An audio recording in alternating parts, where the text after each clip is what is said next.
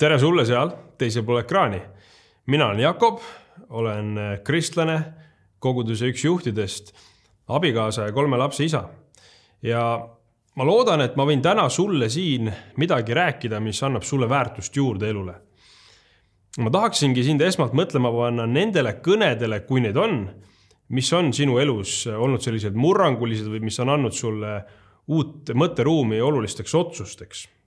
ma mäletan, et kui ma olin äh, keskkooli lõpetanud, siis ma hakkasin kuulama ühte Ameerika jutlustajat,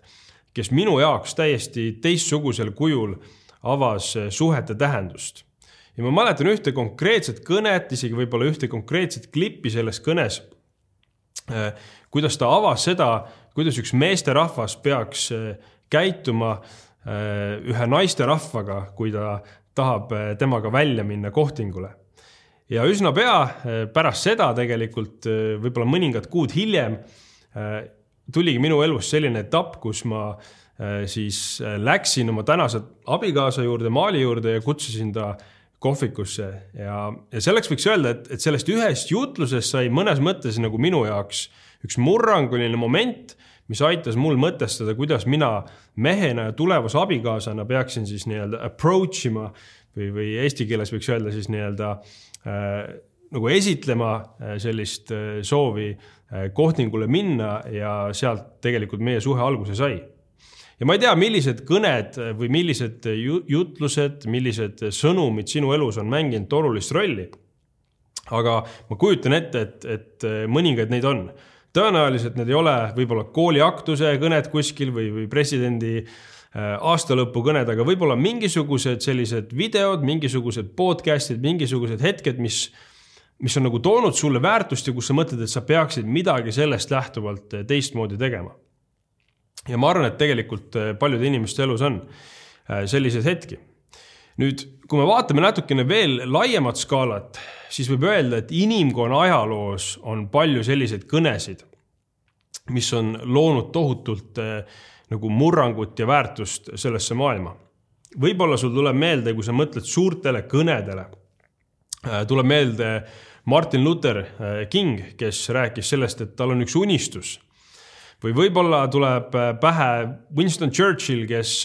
teise maailmasõja ajal rääkis seda, kuidas nad on valmis rahvaga kaitsma igat väikest meetritki rannaribal. või, või Kennedy, kes rääkis sellest, kuidas Ameerika oli otsustanud äh, saata äh, mehe kuu peale ja miks. erinevad kõned, mis on äh, olnud sellised märgilised ja murrangulised, aga te, nende kõnede kõige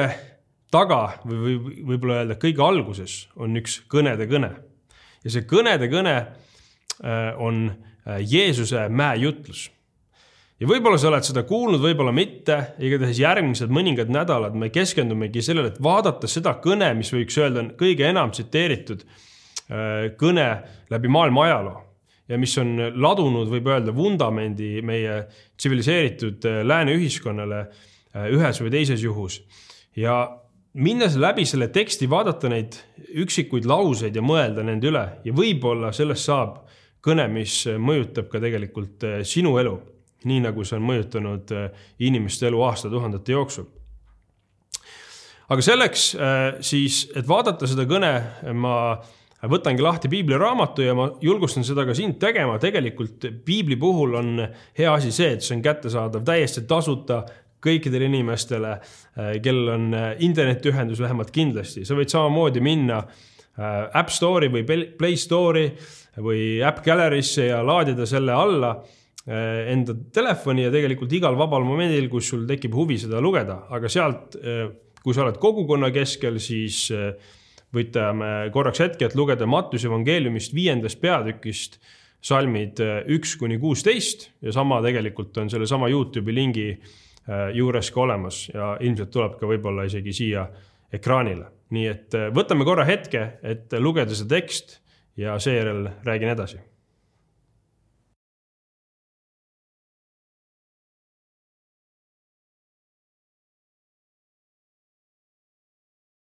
Nonii, kas tundus midagi uut ja murrangulist? võib-olla tundus, et oleks justkui neid mõtteid kuskilt varem kuulnud või need vähemalt on kuskilt nii-öelda läbi jooksnud.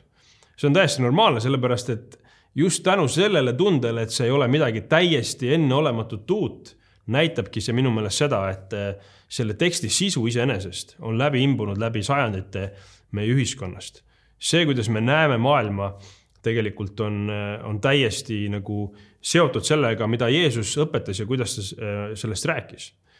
tollel ajal aga oli see täiesti murranguline, sellepärast et maailm oli harjunud toimima sellisel põhimõttel, et kui sinul läheb silm peast välja, siis läheb minul silm peast välja, kui mina olen selle põhjustanud. selline silm silma, hammas hamba,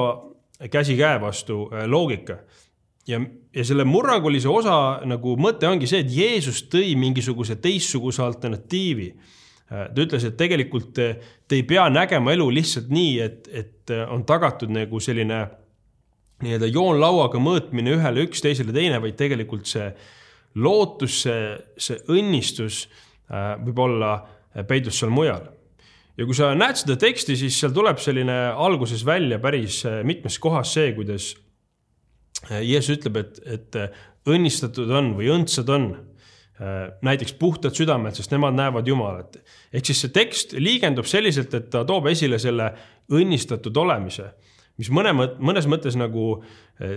teksti algmõttes on õnnelik olemine ja selline õnnelik mitte selles mõttes, et me kogeme mingit sellist ühekordset hetkelist emotsiooni, vaid pigem selline kestev äh, jumalik äh, äh,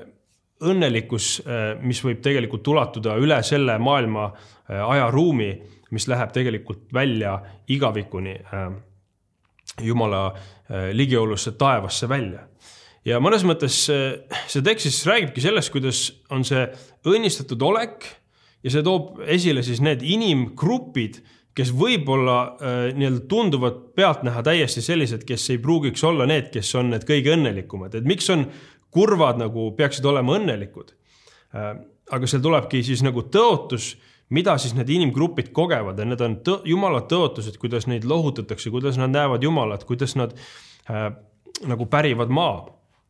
ja, ja see ongi nii-öelda nendest kolmest osast koosnev eh, selline sissejuhatus, mille Jeesus selles eh, mäejutluses teeb. nii et eh, see annab, ma arvan, meile hea taju, kuidas, kuidas võiks tegelikult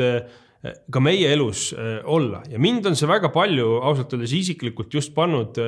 mõistma seda, kui ma olen lugenud seda teksti algust ja, ja mõelnud sellele sisuliselt, kus ma olen aru saanud, et võib-olla minu elus, kus ma olen mõelnud, et ma tahan midagi, et juhtuks nüüd ja praegu, ma tahan, et juhtuks midagi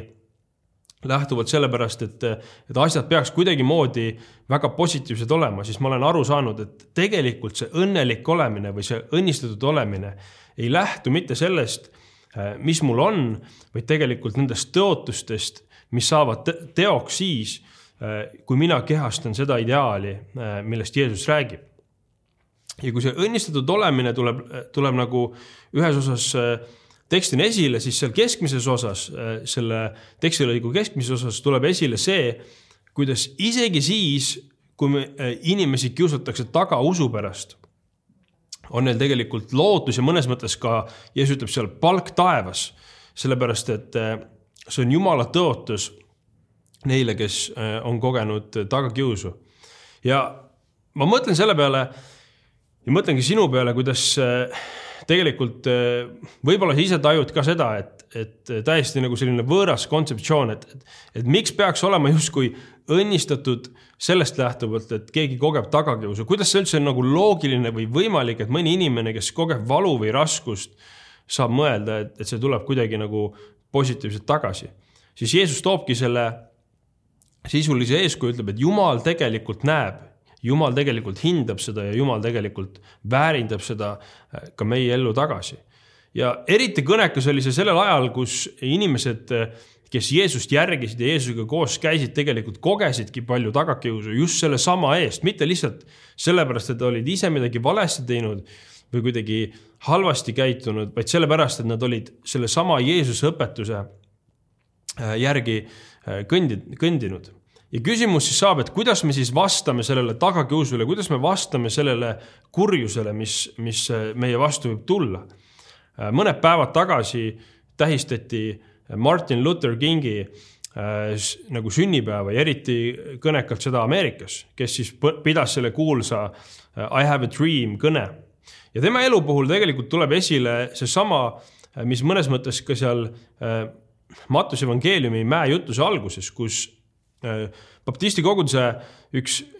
vaimulikest on valmis seisma täiesti nii-öelda ilma vägivaldseid vahendeid kasutamata selle eest, et äh, mustanahalised saaks õigused Ameerikas, mida tollel ajal ei olnud neile tagatud. ja huvitav on see, et, et kui sa nagu vaatame seda Martin Lutheri, Martin Luther Kingi elu, siis tõeliselt äh, ta nagu nii-öelda au sisse tõsteti mõnevõrra alles ka, ka siis, kui tema elupäevad olid tegelikult läbi saanud, sest äh, üheksakümne või kuuekümne kaheksandal aastal ta tapeti just tegelikult selle eest, et ta seisis ilma vägivalda kasutamata nende põhimõtete eest. ja mõnes mõttes seda ütleb ka Jeesus seal, et see võib olla, et teid kiusatakse taga, teile tehakse liiga, aga tegelikult Jumal toob õnnistuse, mis ulatub üle inimelu äh, piiri äh, sinna taevasse välja ja Jeesus nagu lõpetab selle kolmandiku, millest mina olen täna rääkinud, see kuueteistkümnenda salmini, sellest, et ta annab meile si eh, nagu sihi ja juhised, kuidas meie ise peaksime elama, käituma ja ta räägib sellest, kuidas me peame olema, olema see, see maailma sool, maa sool, mis äh, ei saa nagu minna pahaks, sellepärast et me, et kui see läheb pahaks, siis ehk siis see ei näita enam, ei ole enam nagu otstarbeline, siis tegelikult seda ei ole võimalik kasutada. ja see mõte seal taga on äh, kõik selles, et, et meie peame kehastama seda eeskuju, äh, neid esimesi salme, olema need tegelikult need äh, puhtad südamelt ja alandlikud ja tasased ja rahutegijad. sellepärast, et just sellisel juhul äh, on see eeskuju, mida Jeesus tegelikult ise kehastas, ka meis peegeldunud siia maailma. ja, ja siis need tõotused tegelikult ka lähevad täide ja kehastuvad. ja võib-olla kogu see mõttelaad ja, ja kontseptsioon on sulle täitsa nagu äh, kuidagi võõras äh, ja sa üldse kuidagi nagu näed äh, asju nagu teistmoodi, siis ma tahaksin sind ikka julgustada nagu mõtlema selle peale, et, et selles elus on enamat ja selles elus on äh, Jeesuse poolt antud tegelikult tõotused, mis võivad saada ellu elatud just siis, kui me tema eeskuju nagu kehastame ja enda elus välja elame. aga ma tahaksin kuidagi lõpetada selle nii-öelda mäejutluse eh, oma isikliku eh, kogemusega.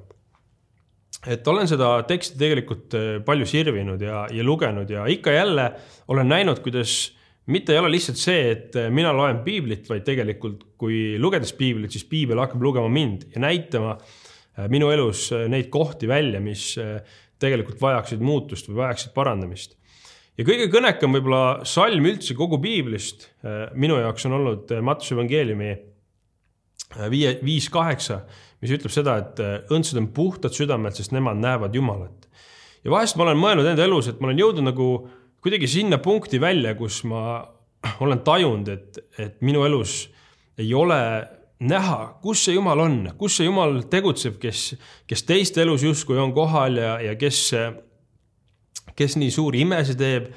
ja ikka jälle ma olen avastanud, et tegelikult põhjus, miks ma ei ole märganud Jumala tegutsemist ka enda elus, on olnud just sellepärast, et minu enda süda on olnud äh, must või mul on endal patte, mis ei ole tegelikult Jumala ette toodud ja neid üles tunnistatud. ja see on nii nagu mõnes mõttes äh, sõita autoga, mille klaas on täiesti porine, siis on väga raske sealt välja näha ja mõnes mõttes Jeesus toob ka selle sõnumi, et, et kui me oma südamed nagu avame, puhtaks teeme ja oleme need, kes nii-öelda seisavad seal mäejalamil valguseks sellele maailmale, siis me tegelikult kogeme nii teda kui tema õnnistusi. ja minu enda elus, ma arvan, korduvalt ja korduvalt ma olen pidanud tunnistama üles erinevaid eh, eksimusi eh, inimeste vastu ja Jumala vastu ja kuidagi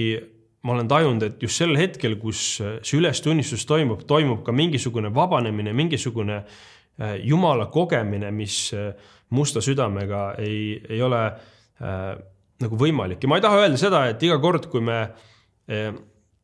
ei nagu ei näe või ei koge Jumalat, siis on just sellest põhjustatud, võib-olla Jumalal on ka mingeid teisi plaane, aga ma tahan kutsuda üles täna sind ka, oled sa seal kogukonnas või üksi, lihtsalt mõtlema enda elu peale, et kas on midagi äh,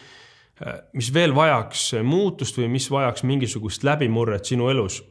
kus on olnud mingi patt, mis on takistanud nägemaks seda, mida Jumal võiks teha. ja koos minna Jumala ette palvetada, et mina kui sina võiksime olla äh, Jeesuse eeskuju kehastajad, selle mäejutluse nagu äh, sõnumi mitte ainult toojad, vaid selle, selle ellu elajad äh, inimestele nii, et me võiksime kogeda seda õndsaks saamist, mis ei too lihtsalt materiaalset elu või edu siia maailma, vaid mis on igaviku elu väärtuse ja tasuga meile kõigile kättesaadav. nii et ma jätan teid selle mõtte ja ja nende küsimustega äh, arutellu. nii et äh, olge tublid, aitäh teile